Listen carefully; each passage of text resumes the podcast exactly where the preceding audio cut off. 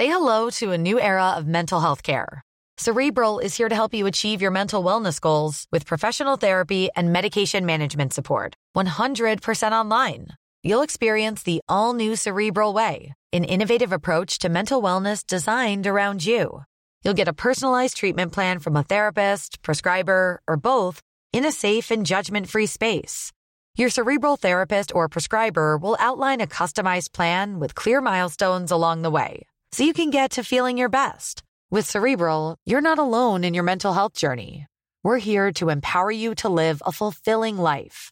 So take that first step towards a brighter future and sign up today at cerebral.com slash podcast and use code ACasts to get 15% off your first month. Offer only valid on monthly plans. Other exclusions may apply. Offer ends July 31st, 2024. See site for details. Hey, I'm Ryan Reynolds. Recently, I asked Mint Mobile's legal team if big wireless companies are allowed to raise prices due to inflation. They said yes. And then when I asked if raising prices technically violates those onerous two year contracts, they said, What the f are you talking about, you insane Hollywood ass? So to recap, we're cutting the price of Mint Unlimited from $30 a month to just $15 a month. Give it a try at mintmobile.com slash switch. $45 upfront for three months plus taxes and fees. Promo for new customers for limited time. Unlimited more than 40 gigabytes per month. Slows. Full terms at mintmobile.com. Introducing Wondersuite from Bluehost.com. Website creation is hard, but now with Bluehost, you can answer a few simple questions about your business and get a unique WordPress website or store right away. From there, you can customize your design, colors, and content. And Bluehost automatically helps you get found in search engines like Google and Bing. From step-by-step guidance to suggested plugins, Bluehost makes WordPress wonderful for everyone. Go to bluehost.com/wondersuite. Den här veckan presenteras Market Makers av inga mindre än IKEA. Och det här, Fabian, ligger mig varmt om hjärtat. Eh, det var ju några år sedan nu, men då var jag faktiskt med och inredde kontor till företaget jag drev. Men vi, och vi körde faktiskt i princip uteslutande möbler från IKEA, med kök och hela rubbet. Eh, och som nog alla vet, varför väljer man IKEA? Jo, för att det står för hög kvalitet, snygg design och fantastiska priser. Ja, jag sitter i en kontorsstol nu från eh, Ikea och jag vet ju att många finansexperter där ute gillar att köpa de här Herman Miller-stolarna för, och går de för 5 till 10 000.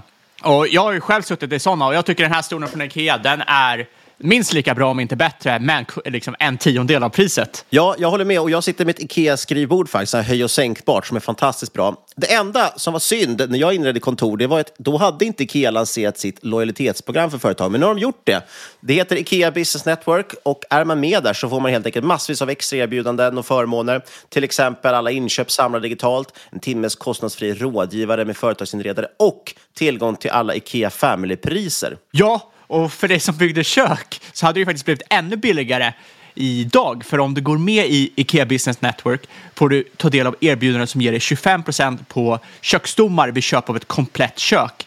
Och den rabatten hade ju sparat dig många, många tusenlappar. Verkligen. Och du som lyssnar, du har ju chansen att ta del av det här. Om du går in på ikea.se företag så kan du läsa mer om vad Ikea kan erbjuda för just ditt företag och du kan gå med i deras lojalitetsprogram Ikea Business Network. Vi säger stort tack till Ikea. I don't need a lot of brains in this business. I mean, I've always said if you got an IQ of 160, give away 30 points to somebody else because you don't need it in investments. What you do need is emotional stability.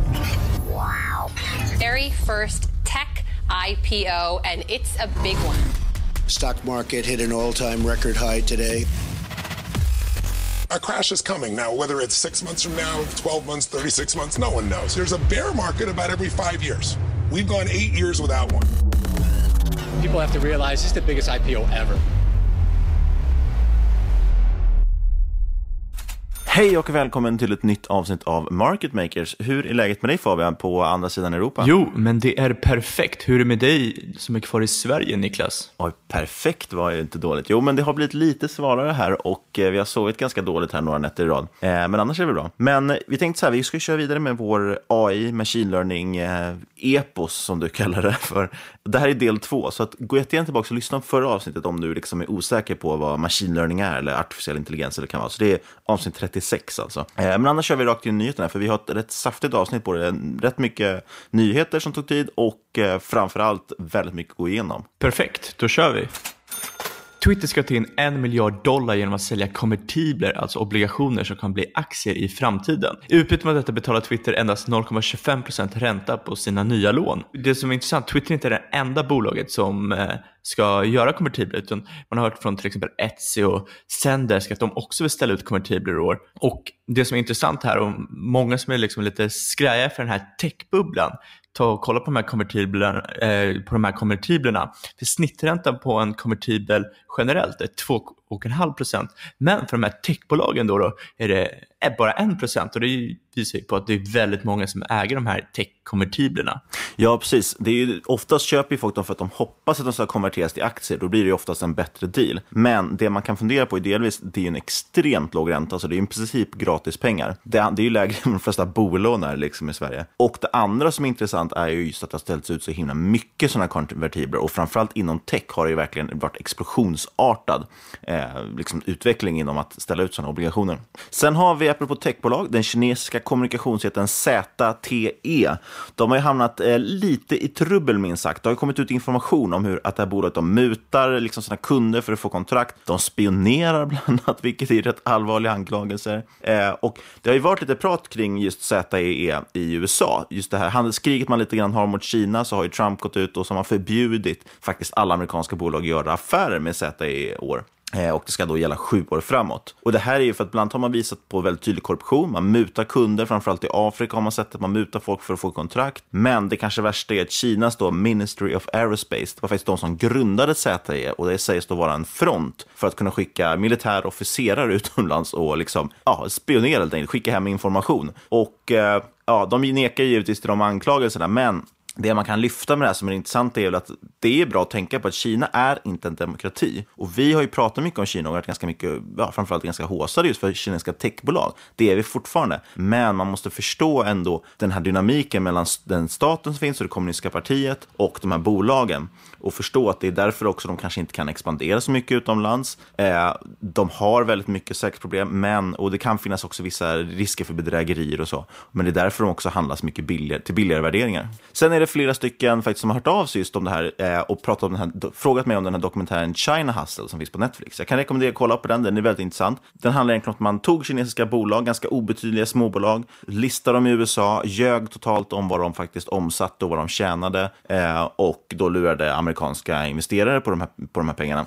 Och eh, ja, den, är, den är väldigt intressant, men som sagt, det är egentligen inget nytt under solen, men det är ju bra, man, visste man inte om det här så är det bra att titta på det. Det enda jag har liksom, liksom att invända mot den dokumentären är att med slutet så slänger man bara ut helt plötsligt någon jättevag anklagelse mot Alibaba. Eh, och det finns vissa grunder för, för risker och, och tankar omkring Alibaba, men man nämner inte någon, man bara helt plötsligt slänger ut det så att det blir så här guilt by association, att om det nämns i samma andetag så, så kommer folk känna att oj, det där ska man inte äga. Ja, det finns en anledning varför alla gamla värdeinvesterare som Warren Buffett eh, tidigare har sagt att man ska akta sig för kinesiska aktier. Men eh, likt flygbolag så känns det som de har ändrat på sig lite med tanke på att de har gått in och köpt kinesiska bolag som BYD till exempel. Om vi hoppar vidare så har vi Electronic Arts den amerikanska speljätten har släppt en prenumerationstjänst för sina senaste PC-spel, vilket innebär att man kommer betala cirka 15 dollar i månaden för att få tillgång till mer än 100 spel, både från EA men också vissa andra spelbolag. Och enligt mig känns det här som en helt rätt väg att gå och nästa steg är med största sannolikhet att vi börjar streama spel istället för att behöva äga hårdvaran själva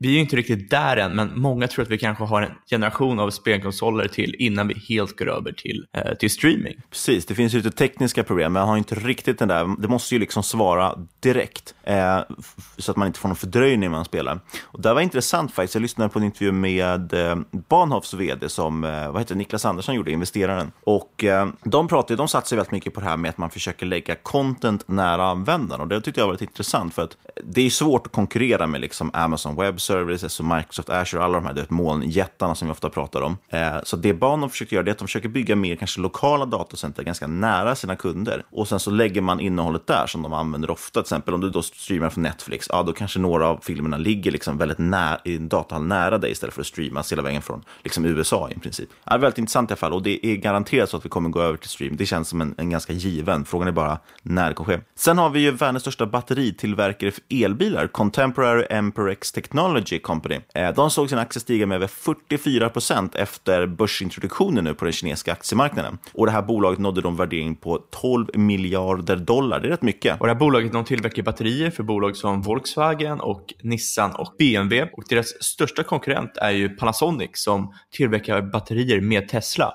Och det bör ju tilläggas att kinesiska aktier faktiskt endast får stiga Eh, maximalt 44 procent deras första tradingdag.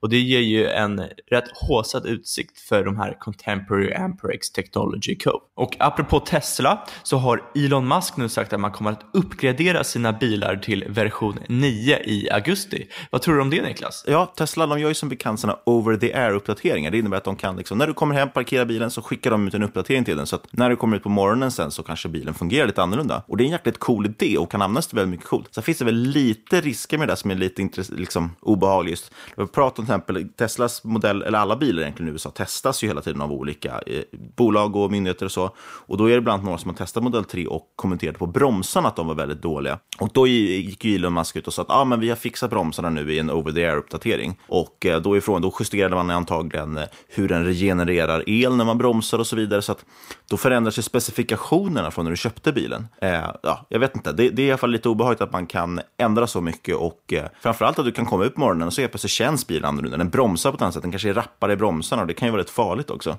Eh, oavsett vilket fall så uh, finns det också risker att som med buggar i mjukvaruuppdateringar. Oavsett vilket, det har varit lite rant om det, men med det sagt så är ju version 9 i alla fall på väg ut till de här bilarna och den ska ibland komma med full self-driving features. Ja, och exakt vad det innebär eh, vet vi inte, förutom att det tydligen är i vissa situationer ska bli acceptabelt att släppa ratten nu. Och hittills har ju Tesla haft en väldigt dålig track record med sin självkörning och eh, det det och detta har gjort till en av de mest kraschade bilarna på marknaden. Men förhoppningsvis har man ju blivit lite vassare nu. Eh, annars finns det ju risk att eh, det kommer bli väldigt mycket fler olyckor. Ja, och självkörande bilar, det är ju machine learning såklart. Och därför leder det oss in på dagens avsnitt, del två av vår machine learning-epos.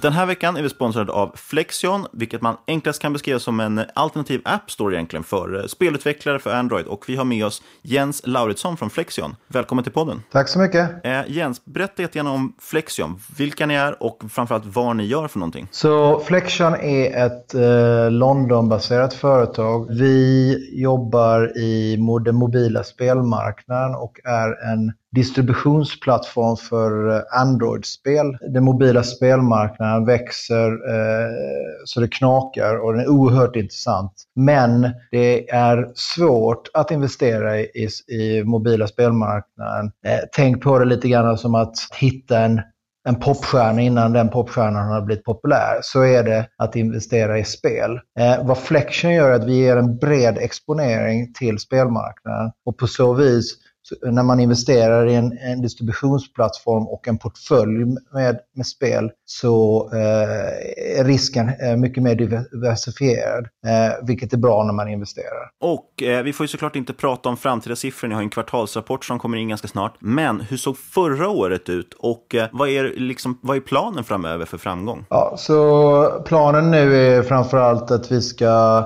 skala upp eh, vår, vår affär. Vi har eh, under tre år byggt eh, en, en, produkt, en teknisk produkt som vi håller på att patentera. Vi eh, är färdiga med vårt tjänsteerbjudande eh, och vi har fyllt på kassan. Så nu, nu är bolaget redo för att eh, skala upp ordentligt och det innebär att vi, vi kommer gå ut på lite bredare front och eh, marknadsföra Flexion mot spelutvecklarcommunityn eh, globalt. Förra året var kan man säga ett år då vi ville bevisa affärsmodellen. Vi ville bevisa att, att det fanns ett bra sug efter den, efter den tjänst som vi erbjuder till spelutvecklare. Och det, och det har vi fått bevis för nu. Så nu är vi redo att, äh, att äh, ta fart. Då säger vi stort tack till Jens. Första handelsdag för Flexion, det var som sagt igår den 13 juni. In på First North, kolla in Flexion. Det är ticken FlexM. Och så säger vi stort tack Jens och stort tack Flexion. Tack så mycket.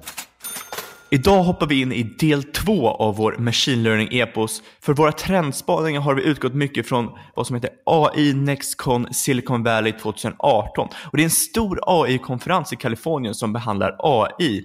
Enligt den här konferensen så är det cirka tre, fyra trender som kommer genomsyra AI och bolagen som verkar inom AI. Och vi har försökt vårt bästa att sammanfatta detta i ett kort poddavsnitt. Och som sagt, har du missat del 1, är osäker på vad AI och machine learning är, lyssna för guds skull in del 1. Det blir alltså avsnitt 36 av Macke Makers. Vi tänkte ta upp dessa trender och nämna vilka större bolag som verkar här samt några mindre aktörer. Det blir alltså mer av en analys av vilka trender som är intressanta inom AI och bolagsspaning snarare än regelrätta bolagsanalyser. Som vanligt, inget bolag benämner en rek och vi rekommenderar att ni gör en egen analys om ett bolag verkar intressant. Så vi, du menar att vi rekar inga bolag, men vi rekar att man gör en analys av bolagen? Exakt så, min vän. ja, första trenden då, det är det här med ramverk, computing och lagring. Det låter ju supersexigt Fabian, berätta vad det är. Jo, men ramverk hjälper till att bygga och analysera modeller samt cloud computing som kan lagra och träna modeller. Det har inte bara växt otroligt de senaste åren utan även kompatibiliteten mellan dessa två har växt. Det innebär att man inte är låst till en enda företags plattformsekosystem. Man kan liksom mixa och matcha beroende på vad man har för krav för sina modeller. Och ska vi dra någon väldigt kort sammanfattning när vi pratar om till exempel ramverk, ja vad ska man säga, då menar vi lite de verktyg som finns egentligen. Att eh, låt säga att Microsoft de bygger en typ av skruvdragare och Alphabet en annan och sen så använder man de verktyg man gillar. Och det här med cloud computing, alltså molntjänsten vi pratar om, det är att man lägger allt i molnet. Man gör ju väldigt lite lokalt idag. Och tittar man då på till exempel Amazon Web Services är stora, Microsoft Azure är stora, Alphabet och sina egna grejer. Tittar man på de, eh, de molntjänsterna så har de massvis med inbyggda tjänster. Det är alltså superenkelt eh, att egentligen bara koppla upp din dig om, istället för att bygga en egen modell till exempel som, eh,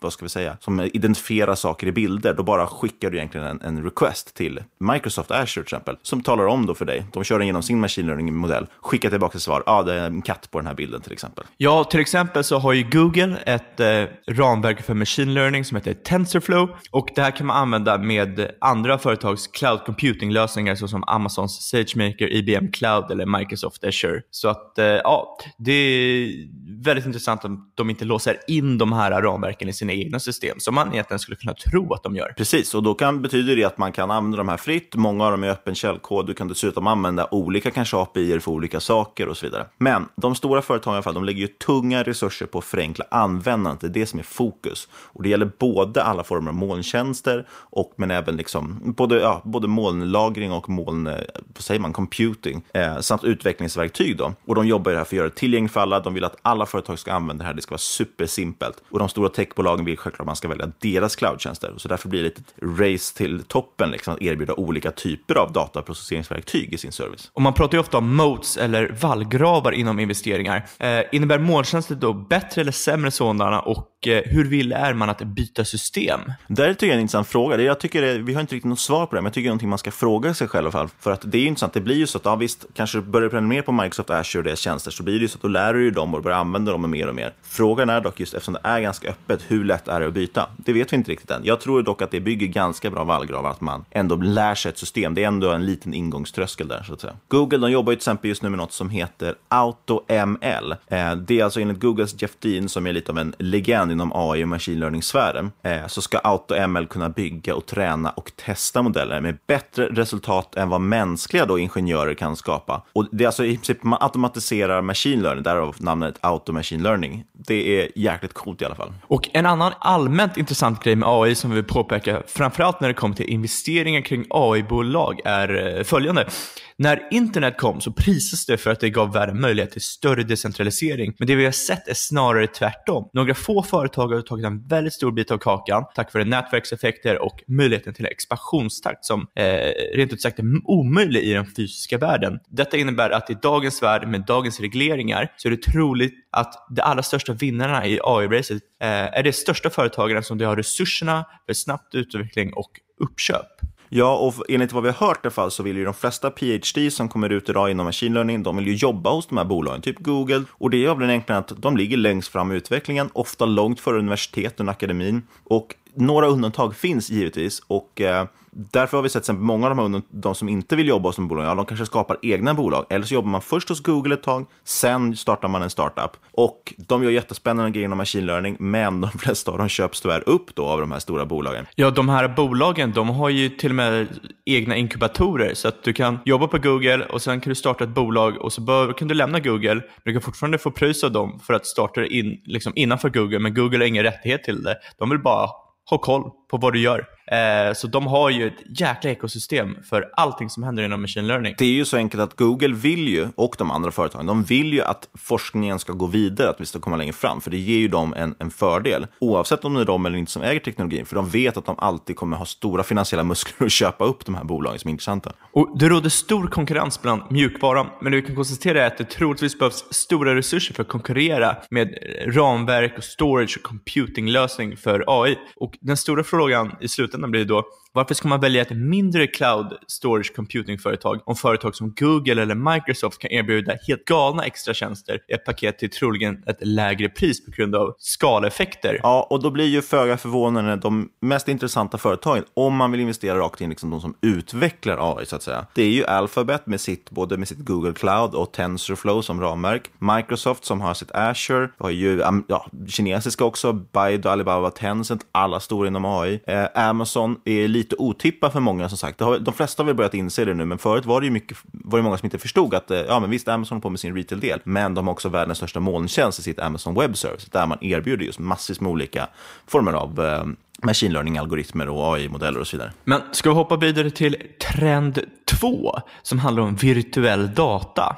Ja, det här tycker jag faktiskt är riktigt coolt. För vi pratade om det i förra avsnittet, man måste samla enorma mängder data för att kunna träna machine learning-algoritmer. Det är enda sättet att jobba på. Och techjättarna, de jobbar inte bara med insamling och analys av data, utan jobbar också för att skapa simulerade miljöer för datainsamling. Så det innebär alltså, istället för att åka ut med en självkörande bil i verkligheten och samla data, så skapar man fiktiva sammanhang för att simulera hur verkligheten ser ut och så tränar man sina modeller efter det här. Och det känns ju extremt sci-fi. Sjukt häftigt. Och simulerade miljöer kommer i första hand användas som ett substitut för träning av AI inom autonoma bilar, bottar och drönare eftersom man kan anpassa kontroll och hastighet på träningen. Tar vi till exempel Googles bolag som håller på med självkörande bilar, Waymo, så använder ju de redan tekniken, vilket är föga förvånande. Och de körde faktiskt 2,7 miljarder engelska miles förra året jämfört med Say hello to a new era of mental health care.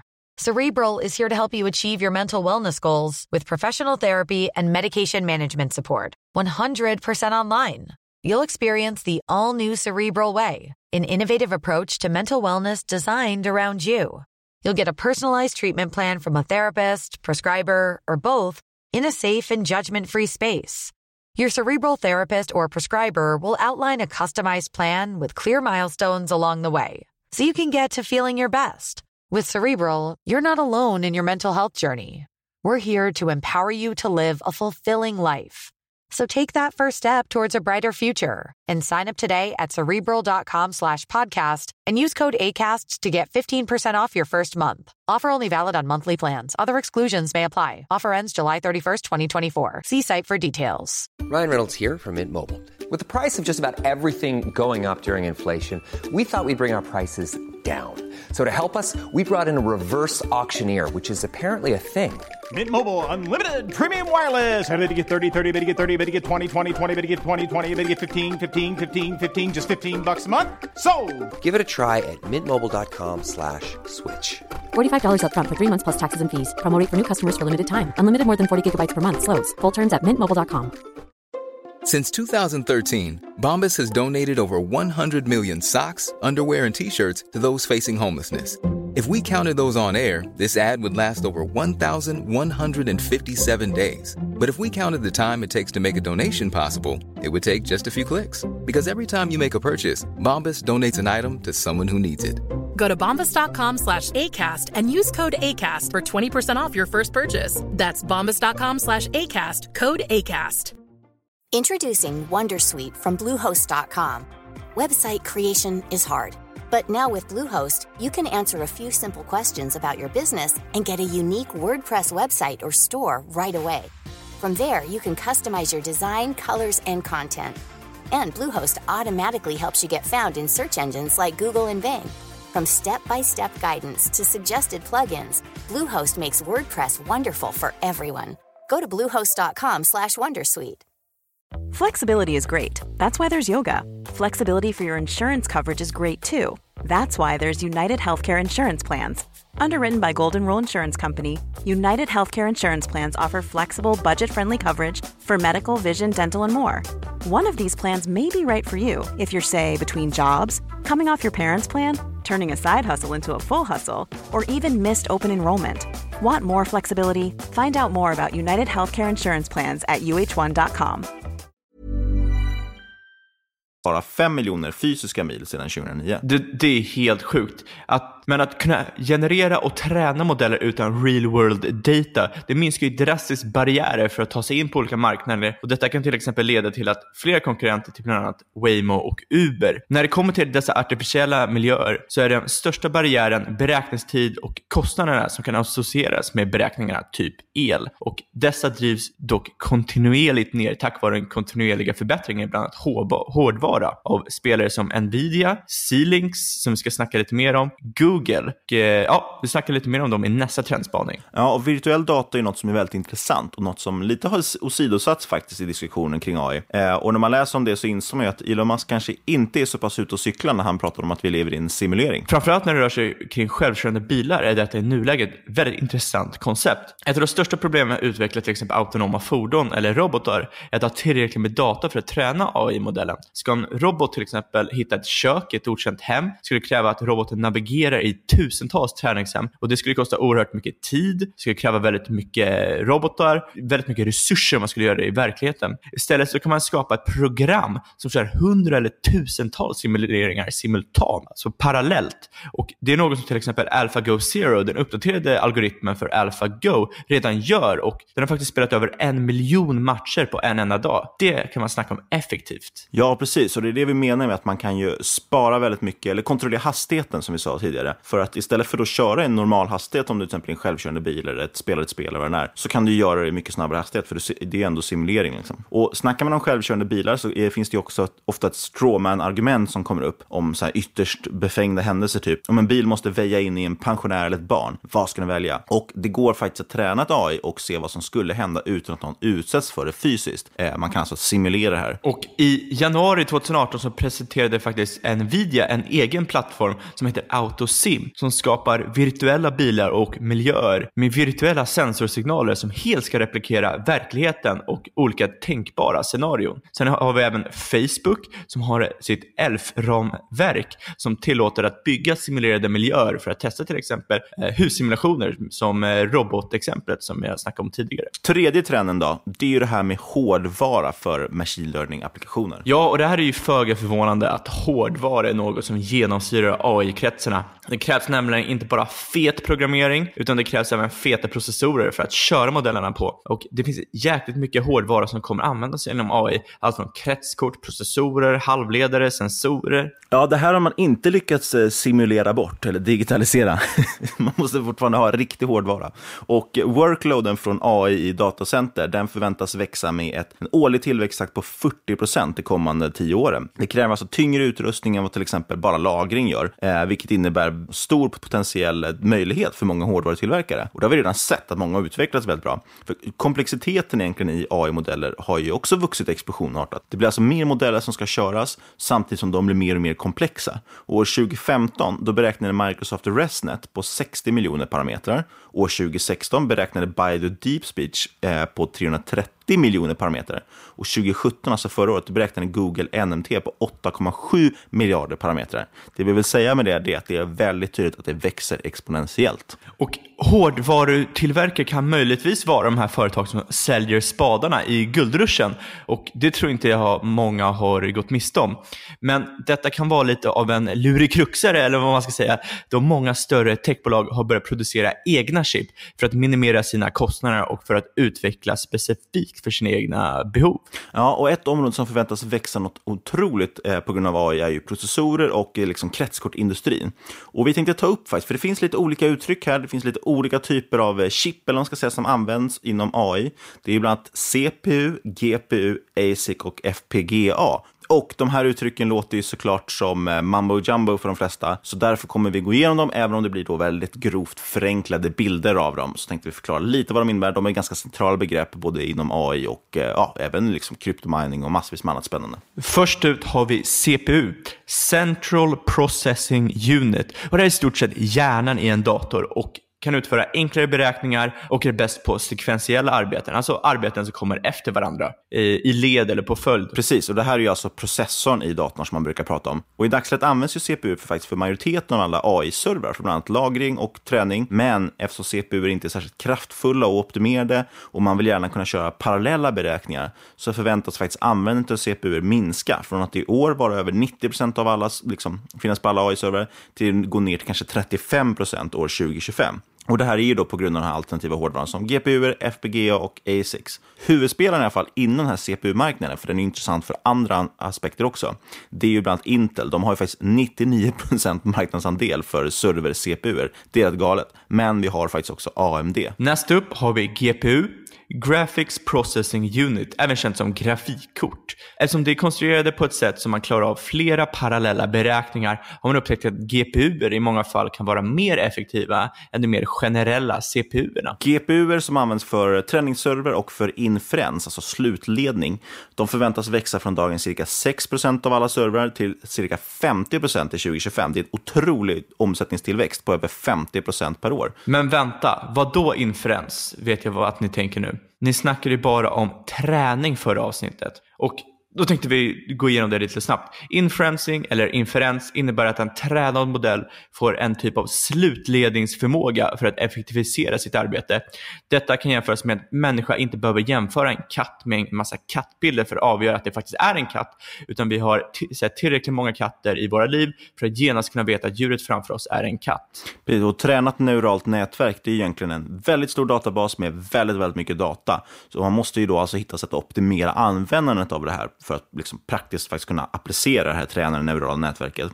Så väldigt förenklat kan man antingen rensa det här nätverket på delar som inte aktiveras efter träning, eller så kan man kombinera flera lager till beräkningssteg. Detta kan jämföras med en digital bild. En grafisk designer kanske jobbar med en jättestor bild på en miljon pixlar, men när de lägger upp den här online så komprimeras bilden för att spara minne och bandbredd. Detta sker genom att massvis med information som inte det mänskliga ögat uppfattar filtreras bort. Alltså utnyttja inferencing för att optimera en modells hastighet och effektivitet. Nyckelspelare på den här GPU-marknaden för AI i alla fall, det är utan tvekan Nvidia. De har cirka 70% av den diskreta GPU-marknaden och till viss del också AMD, men de har en betydligt mindre del av marknaden. Både Nvidia och AMD dock är ju kända som liksom grafikkortsjättar, eh, så att de bägge är väldigt intressanta bolag. Ja, Nvidia som företag är väldigt intressant. De har tre starka konkurrensfördelar inom GPU-området jämfört med deras huvudkonkurrent AMD och eh, till viss del Intel. Det första är att Eh, Eh, de har dominerande marknadsandel på närmare 100% av träningsservrar och eh, flertal partnerships med cloudföretagen som eh, de här Facebook, Amazon, Microsoft, Google och Battligan. Och de levererar ju sina träningsservrar till alla de här företagen. Och det andra är att de har faktiskt en högre R&D. Nvidia de lag 2017 faktiskt hela 1,8 miljoner dollar på forskning och utveckling. Nästan helt och fokuserat på GPU, medan deras största konkurrent AMD som nämnde, de har en R&D budget på kanske runt 1,2 miljarder dollar. Även, men de fokuserar ju då även på CPU, embedded devices och konsolsystem och, och mycket andra prylar. Och det tredje är det vi snackade lite om tidigare, det här med vallgrav. Och Nvidia har investerat i sin GPU Computing Platform CUDA sedan 2007. Och då, den var alltså tidigt ute, andra företag har börjat använda den och det här kan ge en viss vallgrav till att man fortsätter använda den. Näst sist ut i alla fall bland de här olika chippen, vi har avhandlat CPU, alltså processorn, GPU, grafikkort, nu kommer vi till ASIC som är väldigt intressant. Och det står ju då för Application Specific Integrated Circuit. Det är ett ganska självförklarande namn. Det är alltså en integrerad krets som är byggd för en särskild specifik användning snarare än generella användningsområden som CPU och GPU. Och de blir då både effektivare och bättre när det kommer till performance, just på grund av att man specificerar exakt vad de ska användas till. Och det senaste året har det varit en jäkla hets kring ASICs tack vare den starka efterfrågan för att kunna mina bitcoin. ASICs förväntas ha den högsta årliga tillväxten fram till 2025 av de här fyra chippen vi snackar om. Den förväntas ligga på närmare 100% per år. Den här starka tillväxten beror på att ASIC-användandet innan 2017 var i princip noll inom AI och det förväntas växa till över 6 miljarder dollar till 2025. Google utvecklar till exempel egna ASICs för sina servrar och allt pekar på att de kommer fortsätta göra det. Vi har nämnt tidigare att Facebook också utvecklar egna chip nu och eh, ja, det tyder också fortsatt på att de stora techbolagen de kommer inte vilja lämna bort hårdvarubiten till konkurrenter om det börjar bli allt av stor betydelse för deras huvudområde. Och det är inte så konstigt egentligen. Tidigare har man ju köpt in färdiga prylar som är designade för att klara lite allt möjligt. När man vill pressa prestandan till gränsen, då är det ju dock bättre att bygga hårdvaran helt efter vad den ska användas till och det vet man ju bäst själv. Som sagt, eh, man kan göra liknelsen. Formel 1-bilen körs ju inte med samma delar som i en massproducerad Skoda till exempel. Och det finns i alla fall massvis med andra nyckelspelare i den här, till exempel Broadcom, Intel, privata företagen Graphcore och Cerebras. Och sen finns det givetvis jättemånga eh, tillverkare, till exempel i Kina, då, som kommer gynnas av att få tillverka de här chippen efter till exempel Googles specifikationer. Sist men inte minst har vi FPGA, Field Programmable Gate Arrays. Det är alltså likt ASICs, men det går att omprogrammeras efter tillverkning och därav är de dyrare än sina motparter. Ja, och FPGA skulle jag säga, tycker jag i alla fall, det är nog det svåraste liksom, chippet att förstå egentligen. Men om vi fokuserar på marknaden då, den förväntas ju primärt användas för inferens som vi nämnde tidigare, där marknadsandelen då förväntas växa från cirka 10% av alla inferensserver 2017 till 18% 2025. Det är nästan en dubbling. Och det kanske låter lite, men betänk då att marknadsvärdet för det här förväntas ju växa från runt 80 miljoner dollar eh, till över 12 miljarder dollar 2025. Så det är alltså en väldigt stor ökning i, i dollartal så att säga.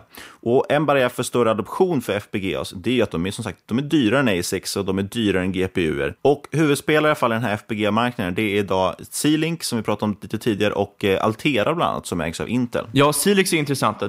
De är ett relativt litet bolag, eh, men de har cirka 60% market share av FPGA-marknaden och den andelen förväntas ju växa ännu mer. Det ska nämnas market cap på cirka 17 miljarder dollar. Det hade varit ett relativt stort bolag för, med svenska mått, men med amerikanska mått eh, sett så är det ett väldigt litet bolag. Och deras hårdvara används av Amazon, Microsoft och eh, den här BAT-ligan. Och de har även påbörjat så AI och ML-relaterade partnerships med de här bolagen, vilket är intressant för ett så pass litet bolag. Sen ska det också nämnas att den här ökade beräkningsbelastningen, den betyder inte bara att man behöver starkare processeringsenheter, utan man behöver också mer lagringsutrymme och arbetsminne. Omsättningen för DRAM, alltså RAM-minnet är ju det här snabba minnet brukar man säga i datorn väldigt förenklat. Omsättningen för DRAM kopplat till AI förväntas öka från 4 miljarder 2017 och det är någon procent kanske av hela den här ramindustrin till närmare 20 miljarder 2025. Utöver det förväntas ju omsättningen för lagring, alltså både SSD-diskar och liksom vanliga hårddiskar kopplat till AI. det ska också växa från runt 4 miljarder dollar till över 30 miljarder dollar 2025. Ja, och i det RAM-gamet är ett bolag som Samsung Electronics som kan handlas via DeGiro, en stor spelare. Och inom lagring finner vi bland annat Micron vars omsättning idag består till 4% av AI men förväntas växa till 10% till 2020 samt bland annat Western Digital. Ja, Western Digital är en gigant, det känner nog de flesta igen om man har köpt en hårddisk i sina dagar. Ja, så det är vår liksom trendspaning, tre stora trender. Vill man sammanfatta det här lite grann och just kring AI, så jag skulle säga så här, det finns egentligen tre sätt kan man säga att få exponering mot AI. Antingen då köper man ju de här spadetillverkarna om man ska använda den här guldrush-liknelsen. Det är ju då hårdvarutillverkaren, det vi pratar om mycket på slutet. Där finns det jätteintressanta alternativ, framförallt eftersom vi med största sannolikhet kan säga att marknaden kommer växa jättemycket inom de kommande åren. Men risken ligger väl i vem kommer stå för tillverkningen. Just nu ser vi som sagt en trend mot att många tar in här in-house och gör egna liksom, prylar istället. Eh, men som sagt, väldigt intressant del. Alternativ två är att gå rakt på guldet, det vill säga de som utvecklar ramverken, måltjänsterna eh, och så vidare. Och här pratar vi om jättarna Google, Facebook, Microsoft. Ja, ni vet den ligan. Och den tredje och kanske mest intressanta alternativet tycker jag, det är det vi inte har pratat om än och det är att investera i de som tillverkar, vad ska vi säga, smycken av guldet då, om jag ska fortsätta den här guldliknelsen. Alltså de som applicerar de här modellerna på verkligheten. Så det är bolag som tar alla de här olika färdiga verktygen och bara applicerar dem i sin dagliga verksamhet för att tjäna pengar. Ja, och det finns extremt många sådana här bolag och många startups givetvis, men också en hel del som är börsnoterat. Och det som kan vara svårt är dock att särskilja vilka som bara trycker in machine learning i sina projekt för att det är coolt buzzword och vilka som verkligen nyttjar ML för att driva sin affärsverksamhet. Det finns många bolag som nyttjar ML på intressanta sätt och vi kan ju omöjligen hålla koll på alla. Men vi ska dock försöka lista några intressanta i alla fall. Precis, och som vi talade tidigare, det är inga rekar, vi säger ingenting om värdering eller någonting på de bolagen. Vi tänkte bara nämna några exempel så kan man kika på det. Ja, en bolagsspaning. En, precis, och framförallt tänker jag att det kanske ger en, en schysst bild av vad, hur machine learning appliceras i verkligheten. Först ut då, det är amerikanska Salesforce. De är en världsledande CRM-plattform för säljare. Och eh, Salesforce sägs faktiskt vara den sjätte största köparen av AI-startups de senaste fem åren. Så de är liksom, tätt efter de här stora techgiganterna. Och de använder givetvis machine learning för att hitta bättre säljmöjligheter för sina kunder. Sen har vi HubSpot, en annan säljplattform. De köper också in AI-startups. Bland annat har de algoritmer för att kunna känna av trigger events, alltså förändringar hos deras kunder som kan öppna upp för nya säljmöjligheter. Ja, sen har vi Hjälp, också det noterat i USA. Det är en känd sajt för att rekommendera restauranger. De använder bland annat machine learning för att klassificera och organisera alla de här bilderna som användarna lägger upp på restauranger. Och eh, på svenska börsen har vi faktiskt också flera bolag som indirekt jobbar med machine learning. Eh, ett jättetydligt exempel det är ju Veoneer som kopplats, knoppas av nu från Autoliv. De sysslar ju till exempel med utvecklingen inom självkörande bilar och eh, mycket inom liksom aktiv säkerhet för bilar. Ja, rent allmänt, gör man en sökning på öppna jobb för ingenjörer inom machine learning, då hittar vi massvis med noterade bolag som Schibsted, eh, Tobii, Nordea, Ericsson och det finns tyvärr lite många bolag som sysslar med ADI direkt eller indirekt för att kunna göra någon ordentlig lista. Det är som vi sa i förra podden, det finns ju nästan inget bolag som idag inte försöker få in AI eller machine learning i sin verksamhet. Det är nästan ett måste för att du ska kunna finnas kvar som bolag. Precis, och vi har ju också massvis med retailbolag till exempel. De ökar, kan ju öka sin försäljning tack vare machine learning. De kan läsa av liksom vad kunderna kommer vilja ha för någonting. Här verkar ju till exempel H&M ha varit svaga. Det är ibland det man menar när man säger att de har varit dåliga på att digitalisera. Eh, men vi har också sett massa, både gaming, alltså liksom faktiska spel, men vi har också så spel och bettingbolag. Så de ökar ju också sina intäkter med analys och byggt på machine learning, hur man ska kunna nå ut med sina plattformar och få mer intäkter. Sen har vi ju Paypal och givetvis flera andra finansiella tjänster som använder AI för att identifiera bedrägerier och därmed minska sina finansiella risker. Netflix använder ju machine learning som en väldigt central del av sin strategi. De har angett att deras ROI, alltså return on investment för machine learning, ligger på en miljard dollar per år tack vare att du får kunderna att stanna kvar. Sist men absolut inte minst måste vi också påpeka liksom, de här funktionerna som vi använder dagligen utan att ens kanske tänka på att det faktiskt är machine learning. Till exempel har du köpt en ny iPhone 10, då låser du upp den med ditt ansikte. Det är machine learning. Eller leker du med något roligt filter, kanske i Snapchat, så är det machine learning. Varje egentligen Google-sökning, varje vänrekommendation på Facebook, också machine learning. Och en undersökning från Forrester angav att 51% av de tillfrågade företagen i den här undersökningen använde och eller utökade sin användning av AI under 2017. Poängen med det här det är att machine learning verkligen är något som kryper in överallt och i takt med att det blir både lättare och billigare att implementera så kommer det också faktiskt bara bli större. Givetvis är också ditt finans-Twitterflöde kurerat med machine learning. Ja, det var vårt machine learning, eh, vår machine learning special, så att säga. Två delar. Och eh, det är ingen idé att vi gör någon slags innehållsdeklaration liksom, på det här, vad vi äger för bolag, för att det är så många vi har pratat om. Vi har framförallt inte gett någon rek på något bolag. Och som vanligt, det gamla vanliga, Inget hört i den här podcasten ska ses som rådgivning. Alla är åsikter är våra egna eller vår gäst och eventuella sponsorer tar inget ansvar för det som sägs i podden. Tänk på att alla investeringar är förknippade med risk och sker under eget ansvar. Kontakta oss jättegärna på podcast.ipo.se eller på Twitter at marketmakerspod. Och glöm inte att lämna en recension på iTunes. Det skulle betyda väldigt mycket för oss för då hamnar vi högre upp i listorna och fler kommer hitta oss och då kommer vi kunna producera bättre content. Ja, och en som har hjälpt oss producera bättre content är Flexion Stort tack till dem. De har direktlistats nu på First North. Gå in och kolla på det här bolaget. Det är en rätt spännande plattform de har faktiskt. Stort tack till Flexion. Och sist, men absolut inte minst, Tack för att du har lyssnat kära lyssnare. Vi hörs igen om en vecka. Och då tror jag att det kommer bli en väldigt spännande intervju. Vi får väl se vad som händer. Tack. Tack och hej.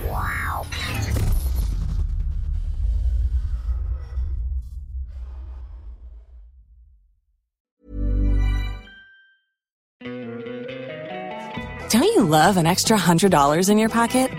Have a TurboTax expert file your taxes for you by March 31st to get $100 back instantly.